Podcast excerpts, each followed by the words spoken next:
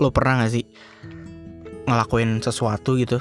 Abis lo ngelakuin itu terus lo nyesel nyesel kayak seharian gitu. Gue kayak baru aja ngalamin itu deh. Gue tuh tadi abis ngasih duit ke tukang apa polisi cepet gitu. Terus tangannya dia tuh ngambil tangan gue gitu kayak nyentuh ujung jari gitu kayak seret anjir deh ngapain sih dia nyentuh nyentuh jari kok? Maksud gue ya dia dia pakai dia pakai sarung tangan sih cuma ya kan ya kalau dia itu kan berapa orang yang dia uh, belai-belai ujung jarinya gitu pakai sarung tangan dia ya maksudnya gak bersih gitu. Gue jadi kayak anjir nih gue kalau gara-gara ini jadi kena corona kan konyol banget gitu ya gak sih? Maksudnya maksudnya niatnya pengen baik niatnya baik pengen ngasih polisi cepet.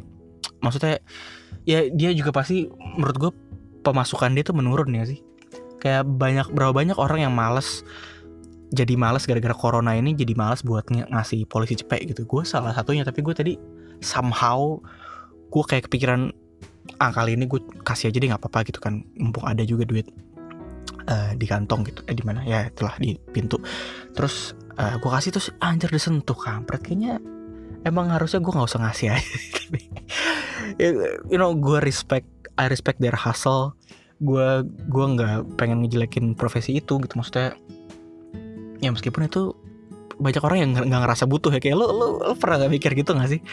Gue sih muter bisa kok sendiri. Yuter ngapain sih ini? Polisi, polisi cepet ini sosok ngebantuin. Malah bikin ribet kadang kan kayak gitu. Cuma ya mereka mereka mungkin nggak punya reference cara lain nyari duit gitu. Atau mungkin uh, mereka punya pekerjaan lain tapi di waktu-waktu senggang mereka daripada mereka sekadar main catur dan ngopi sambil perutnya dibuka-buka gitu di tengah jalan. Ya udah mending mending nongkrong di perempatan aja pertigaan gitu kan atau ya, apa, jadi polisi cepet gitu. Anjir lu annoyed banget gak sih sama bawa bapak yang berasa oke okay gitu? Maksudnya lo lo kenapa sih maksudnya bawa bapak pinggir jalan yang berasa oke okay sama keadaan perutnya gitu? Itu reference fashionnya dari mana ya? Gue gak ngerti banget dia habis nonton apa gitu berasa keren buka-buka perut.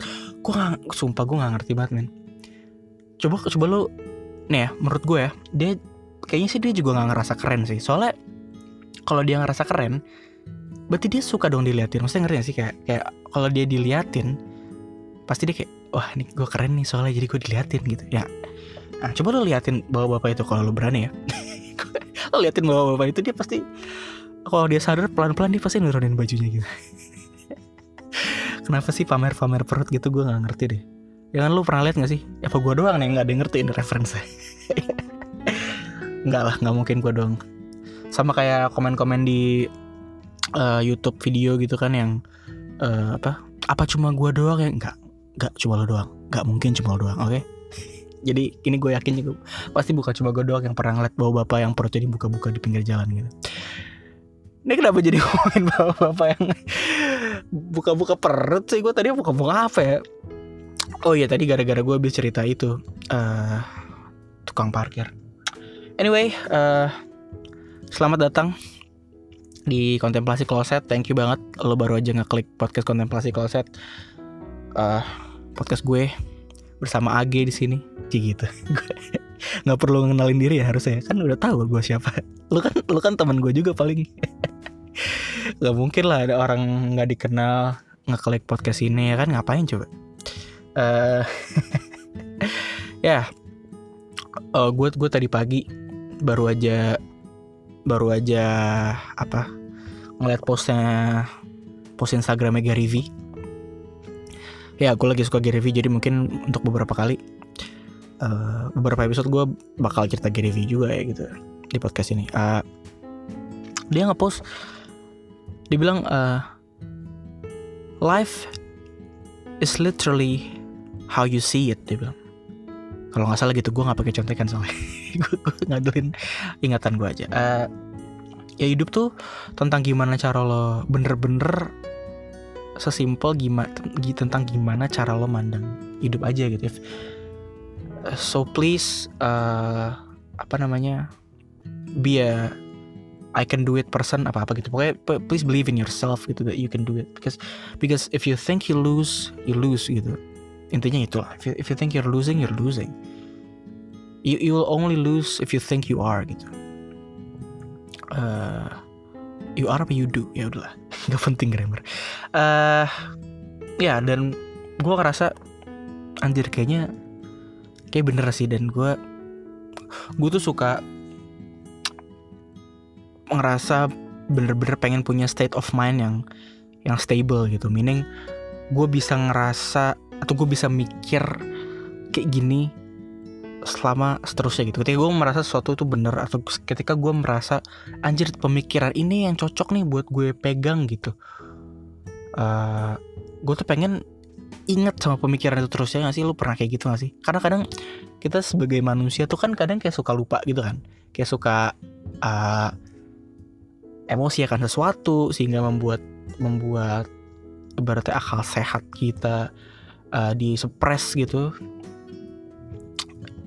Dan ya penting banget. Gue gue nggak tahu sih gue gue masih figure out gimana caranya punya uh, state of mind yang stable gitu. Gue sih mikir selama ini dengan uh, ngejaga ibadah di lima waktu yang tepat maksudnya tepat lima waktu gitu lima waktu yang tepat udah hell.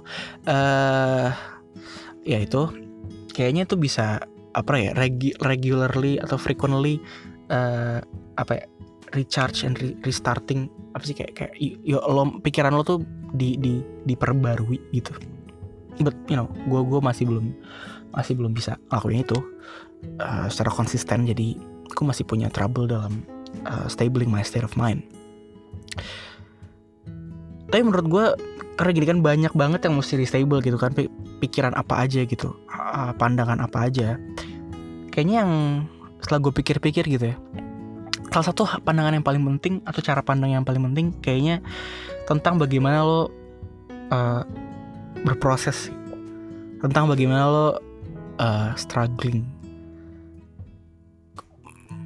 Menurut gue banyak orang yang pengen hasil padahal kayaknya ini yang ini yang gue rasain gitu kayaknya yang penting tuh bukan apa yang ada di ujung deh.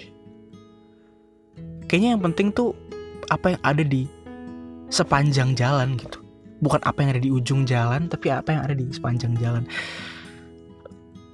Karena ya well ini mungkin klise gitu ya maksudnya lo juga pasti udah pernah denger yang kayak ya hasil nggak penting yang penting proses apa tapi sering-sering lo denger itu susah kan buat ngelakuinnya ya gak sih? Susah banget men. Maksudnya lo lo ngedit ngedit sesimpel gini deh lo lo ngedit video buat ngepost di Instagram gitu lo udah edit berapa berapa jam gitu setengah jam sejam mungkin. Nah gue nggak tahu how how much you invested on that. Tapi lo put effort gitu ke dalam uh, suatu kegiatan contohnya tadi.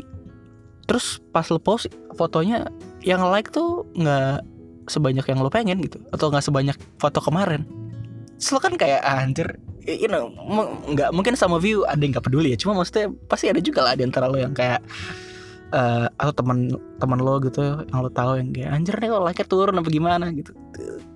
You know padahal yang penting tuh ketika kalau ngelakuin ketika lo ngedit apa lo lo belajar buat apa yang ada di sepanjang jalan gitu. Ketika lo ngedit uh, lo belajar buat ah, oh ternyata foto foto tuh uh, lo bisa bikin foto bagus dengan lighting kayak gini, mood kayak uh, kalau lo mau ngeset mood kayak gini, lightingnya kayak gini, uh, coloringnya kayak gini, lo ngedit coloringnya mungkin kalau lo niat gitu kan terus kayak mungkin lo ada beberapa stok foto dan lo kayak oh angle yang bagus tuh kayak gini gitu.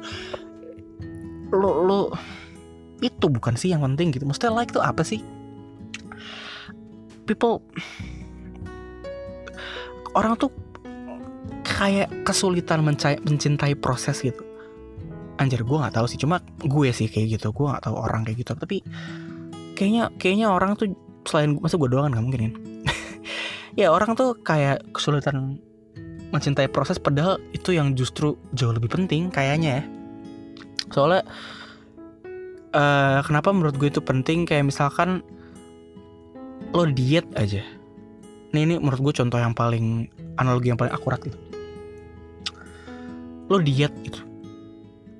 Ketika lo pengen kurus oke okay, dalam dua bulan lagi gue harus turun uh, 5 kilo misal. Misal atau 10 kilo misal. Nah uh, gue gue nggak tahu itu uh, possible apa enggak sih. Gue bukan ahli fitness atau you know. Tapi uh, let's say kayak gitu ya. Uh, dua bulan 10 kilo turun. By the end of the uh, apa month setelah dua bulan ternyata lu cuma turun 5 kilo misalnya. Dan lu kayak anjir kok gagal gue dan segala macam ah kampret gue gue padahal udah olahraga kayak gini dan segala macam gue udah tersiksa dari kemarin tuh cuma 5 kilo doang. Lo lo jadi nggak menikmati prosesnya dan dan ketika ketika hasilnya nggak tercapai sesuai yang lo mau lo akan marah lo akan emosi mungkin lo akan kecewa sama diri lo sendiri gitu. Ya. Padahal kalau dipikir-pikir untuk lo bisa turun 5 kilo selama 2 bulan itu sebuah hal yang bagus dong. Ya gak? itu bukan sesuatu yang harus lo sedihi gitu. Sedihi sedihkan sedihi sedihkan ya apa itu bukan itu bukan sesuatu yang harus bikin lo sedih gitu. Bagus gitu. Dan yang yang yang nentuin yang nentuin lo harus turun 10 kilo dalam dua bulan siapa? Lo sendiri kan? Kalau lo baru turun 10 kilo dalam 10 bulan emang kenapa? Nggak apa-apa kan? Nggak apa-apa kan? Lo nggak lo nggak lagi dituntut lu pengen syuting film terus lu eh, dituntut peran buat nurunin berat badan lu karena karakternya uh, lebih kurus daripada lu segala macam. Enggak kan? Lu lu nggak nggak lagi syuting atau apa enggak gitu lu bisa lu sebenarnya bisa lebih dalam tanda kutip santai gitu. Cuma karena justru karena cara pandang itu kayak lu jadi kayak ah tai lah yaudahlah gue ya udah kayak biasa lagi aja lah gue olahraga juga. Nggak apa maksudnya ya udahlah gue juga turun cuma segini doang. Misalkan ya misalkan. Lo jadi kecewa sama diri lo dan lo jadi emosi gitu. Atau atau lo jadi kayak nyari uh, apa sih ada kalau orang diet tuh biasanya suka ada cheat cheat day ya cheat day yang kayak ya udah gue hari ini makan banyak gitu. Lo kalau you don't have the right mindset bisa jadi cheat day itu uh, ngerusak usaha lo yang sebelumnya lo udah lakuin gitu. Berhari-hari sebelumnya udah lo lakuin. Jadi kayak lo main 5 lo plus 5 lagi jadi 0 gitu lain kalau mindset lo adalah oke okay, kayaknya gue udah gendut nih. Gue udah gak sehat nih kayak gini terus. Gue gak bisa gue harus olahraga karena gue harus sehat. Gue harus ubah lifestyle gue. Karena kalau gue kayak gini terus gue bakal nyesel. Dan karena gue tahu di masa tua nanti gue akan butuh badan ini gitu. Lo akan butuh badan ini dan uh, gue gue nggak kak sorry. Uh, ketika mindsetnya kayak gitu gitu. Ketika mindsetnya kayak gitu mungkin lo akan lebih sabar dalam ngejalanin prosesnya. Lo nggak ngetargetin oke okay, dalam berapa bulan lo harus harus turun uh, berapa kilo? Enggak. Tapi dengan mindset tersebut lo bisa jadi lebih menikmati prosesnya. Lo jadi bisa lebih, lebih menikmati oh oke okay, gue ganti makanan ini pelan pelan dan segala macem. Satu satu yang diubah oh tadinya gue suka makan manis manis dan goreng goreng oke sekarang gue coba uh, tetap makan goreng-goreng tapi yang manis-manis gue kurangin. Misalnya kayak gitu. Pelan-pelan gitu. Gue nggak bilang tujuan itu nggak penting atau tujuan itu ngerusak atau target itu merusak no. That's not my point. My point adalah bahwa lo harus bisa nikmatin prosesnya dengan cara lo sendiri. Ketika lo bisa nikmatin prosesnya dengan uh, target tertentu justru dengan ketika lo set target lo bisa nikmatin prosesnya good for you. Itu cara lo cara orang lain mungkin ada yang malah jadi ngerasa ke pressure. Poinnya bukan di ngasih target atau enggak poinnya adalah gimana sih kita, kita harus nemuin cara kita masing-masing untuk bisa nikmatin sebuah proses gitu.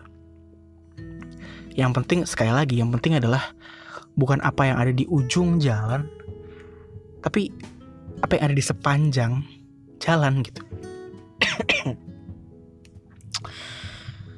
karena ya apa ya kalau misalkan kalau misalkan uh, happiness itu berasal dari sebuah ekspektasi yang terpenuhi, oke? Okay? Ketika ekspektasi lo nggak terpenuhi di ujung jalan, ya you'll get nol happiness. Ya gak sih? Lo lo nggak bakal dapet happiness gitu. Uh, mungkin itu juga sebabnya orang banyak yang menasehati uh, ya yeah, don't expect too much, don't set your expectation too high dan segala macem. Uh, mungkin juga karena itu gitu. Yang penting kayaknya yang penting tentang ya ya pokoknya you you have to find your own way uh, untuk bisa nikmatin perjalanannya. I, I, don't I don't I don't care uh, bagaimana caranya terserah lo aja gitu.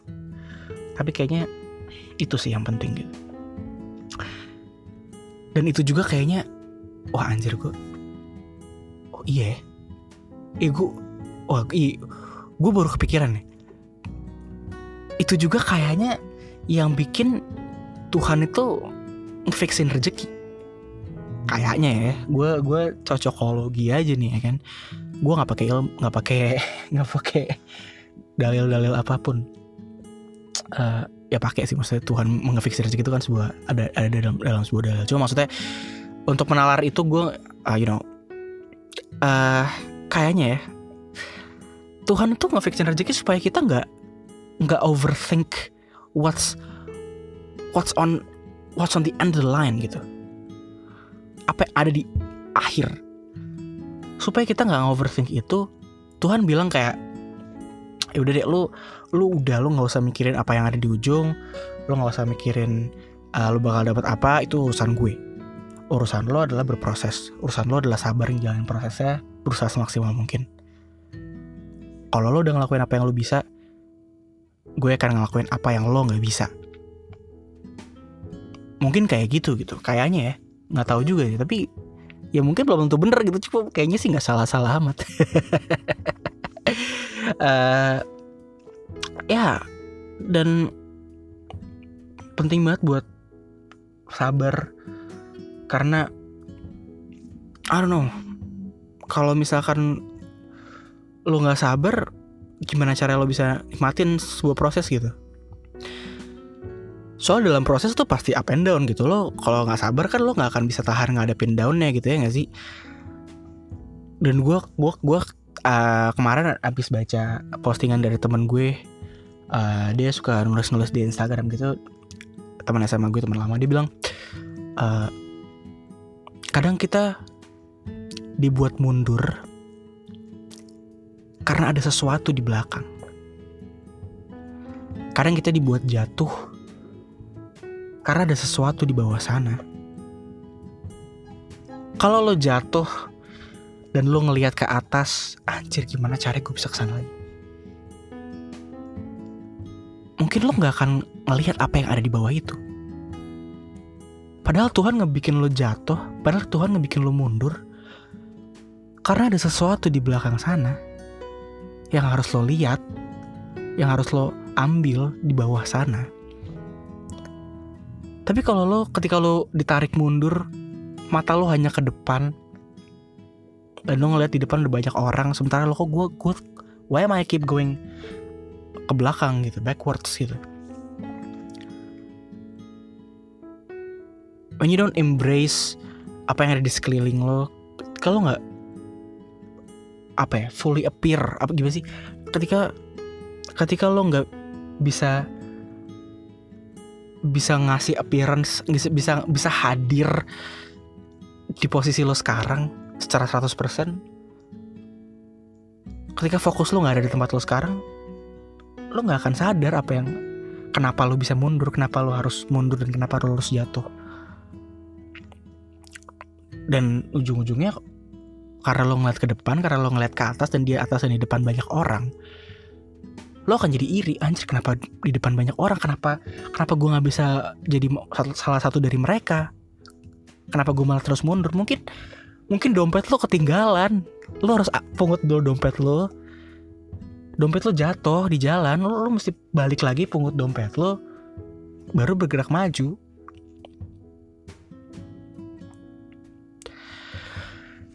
Itu itu susah sih. Kayak gue sekarang uh, ya kalau lo inget uh, episode pertama gue kan bilang gue gue ngerasa tertinggal gitu dan susah meskipun gue tahu sebenarnya in a way gue nggak tertinggal. Tapi kan yang jadi masalah gue bukan tertinggal. Tapi gue merasa tertinggal. Dan rasa itu kan ditimbulkan oleh cara pandang pemikiran. Dan itu yang susah buat di buat di shape gitu.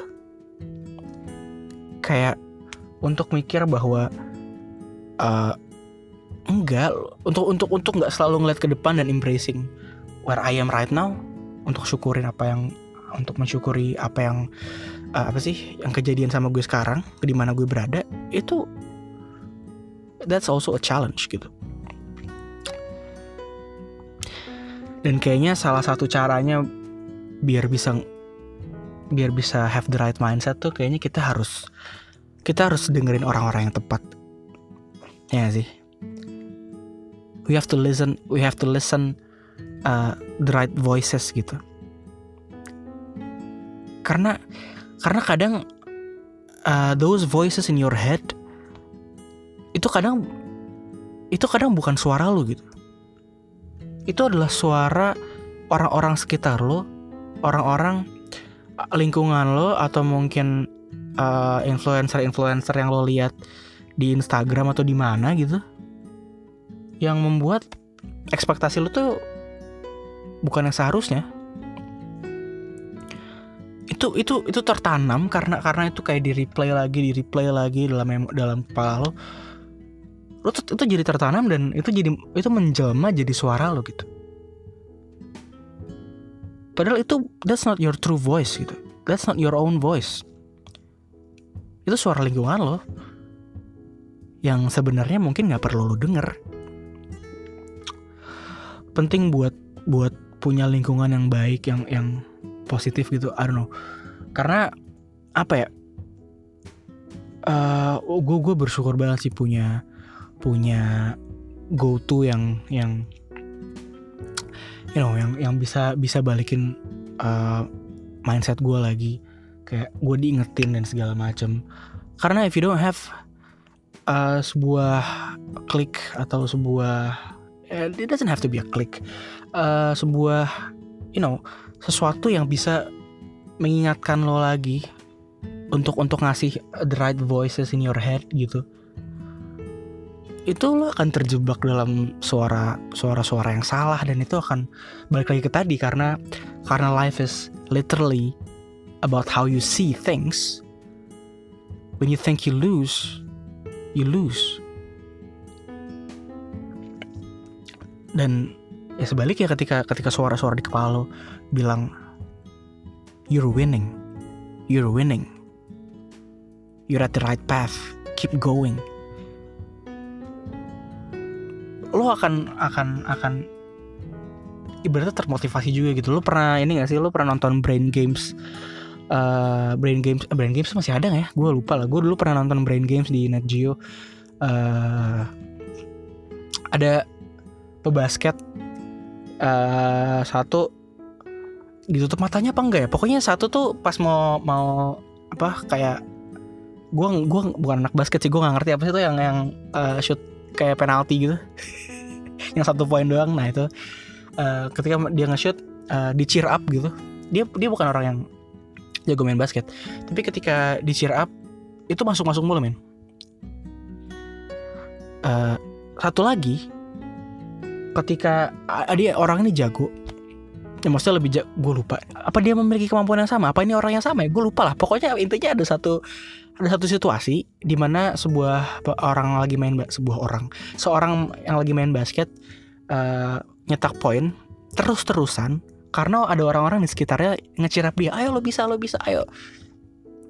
Keadaan yang satunya itu orangnya di bu di gue lama banget deh. Pokoknya di bu bu apa pokoknya pokoknya disorakin lah. Di ah cupu lo nggak bisa di kata-katain kayak gitu. Dan menariknya yang kedua itu dia lebih lebih culun men. Jadi nggak masuk masuk terus bolanya gitu. Dan kayaknya itu itu adalah salah satu apa ya bukti bahwa if you have the right mindset you can do you can do better than you think. Dan if you have sebaliknya ketika lo punya mindset yang salah you can do worse than you think. Dan ya itu itu harus dilengkapi dengan baik lagi tadi kesabaran itu gak sih? If you have the right mindset tapi kalau lo nggak sabar karena kadang di tengah jalan kan ada aja gitu ujiannya dalam tanda kutip gitu kan ketika lo nggak sabar tuh ya udah bisa bisa nyerah di tengah jalan emosional lo lo bisa mungkin bisa ada bisa bisa apa melakukan emotional decisions gitu. Kayak misalkan uh, gara-gara lo gagal diet atau gara-gara uh, lo nggak sabar ngejalanin dietnya karena fokus lo bukan ngubah lifestyle tapi ngejar ngejar angka gitu lo harus turun berapa kilo. Di tengah-tengah jalan lo capek lo sebel lo kesel sama diri lo sendiri terus lo jadi emotional eating gitu atau kayak gimana atau gimana gitu kan itu malah ngacauin semua semua usaha yang lo udah lakuin sebelumnya. Karena apa ya kalau emang buat lo pasti dapet gak sih? Kalau emang itu punya lo ya udah gitu. Mau montar kayak mau sekarang kayak katanya sih gitu ya kata kata kata guru agama kan gitu kan. Kalau rezeki nggak ke mana apa gitu kan. Gue nggak tahu itu bener apa enggak ya uh, gue pengen gue gue berusaha mempercayai itu benar. Tapi uh, menurut gue nggak ada ruginya untuk mempercayai itu gitu. Karena oh oh gue gue gue inget men. Gue pernah nonton.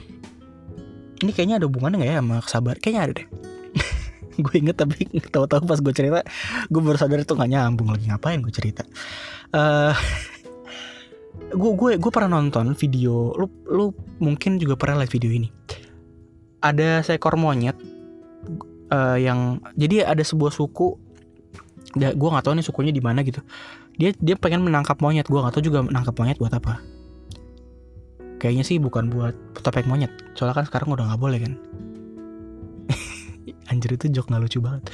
Uh, apa tadi gue jadi lupa kan? Ngapain sih gak jok jok nggak penting jadi lupa nih tadi apa. Apa sih tadi ada yang inget nggak? Sosok sosok nanya gitu kayak ini komunikasi dua arah aja nggak nggak bisa. Gue nggak bisa nyautin gue. Uh, apa sih tadi? Oh monyet. Ada monyet yang jadi suku ini pengen nangkap monyet. Cara nangkap monyetnya ini dia bikin sebuah lubang dan lubang itu dikasih makanan. Gue gue gak tau lah makanannya apa. Pokoknya dikasih makanan ditinggal lubang itu. Ditunggu berapa lama dipantau dari jauh monyet dateng ngampirin si lubang ini buat mau ngambil makanan oke kebayang ya terus ketika monyetnya itu ngambil masukin tangannya ke lubang dia ngegenggam makanannya itu sebanyak-banyaknya yang dia bisa. Dan dia pengen ambil semuanya. Tapi makanan ini ditaruh banyak banget di lubang sehingga nggak memungkinkan dia buat ketika ketika dia ngambil makanan semuanya tangannya dia tuh ngepelnya tuh terlalu gede gitu. Kepalan tangannya monyet ini terlalu gede kalau misalkan dia ngambil makanan semuanya. Sehingga apa? Sehingga tangannya dia nggak bisa keluar lubang. Jadi tangannya kayak kayak kejebak gitu di lubang. Nah ketika itu orang-orang yang memburu monyetnya datang nangkep monyetnya. Cara nangkapnya kayak gitu. Nah,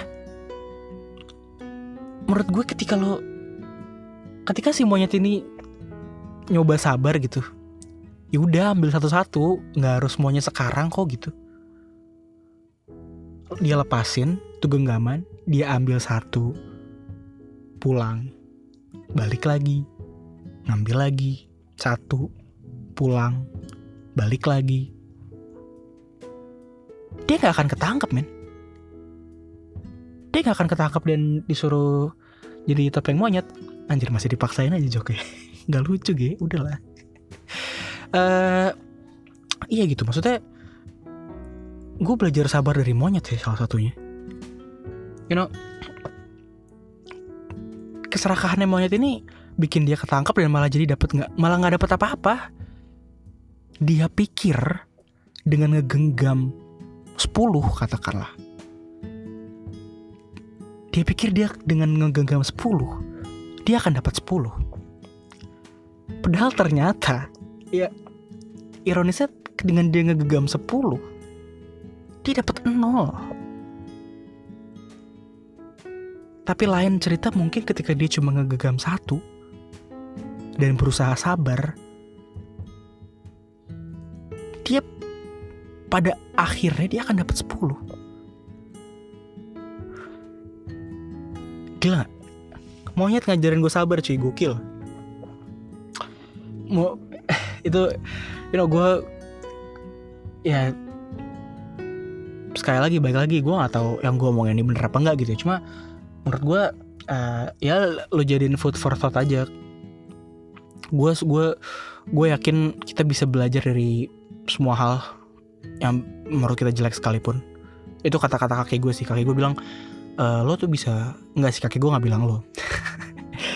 Ya pokoknya lo bisa uh, belajar dari semua orang.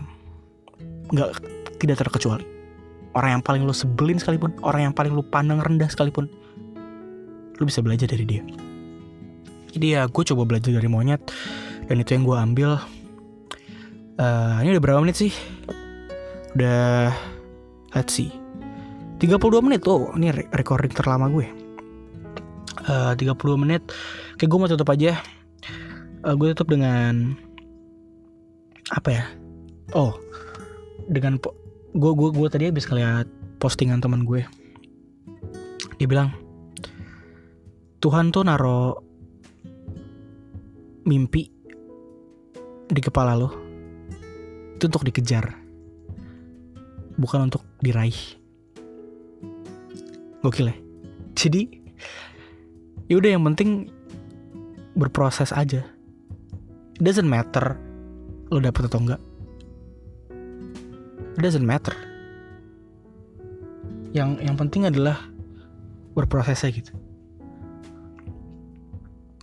Ya itu sih. Gue ngapain sih sosok nutup pakai quotes quotes culun kayak gini nggak nggak culun maksudnya nggak tahu gue ngerasa nggak nyaman aja kayak nge ngekuat ngekuat gitu kayak gue pantas di quote aja maksud. ya. Ya udah lah ya. Udah 33 menit. Uh, thank you banget buat yang udah betah dengerin gue selama setengah jam. Gila lu gak ada kerjaan apa gimana? Uh, see you guys on the next episode. Bye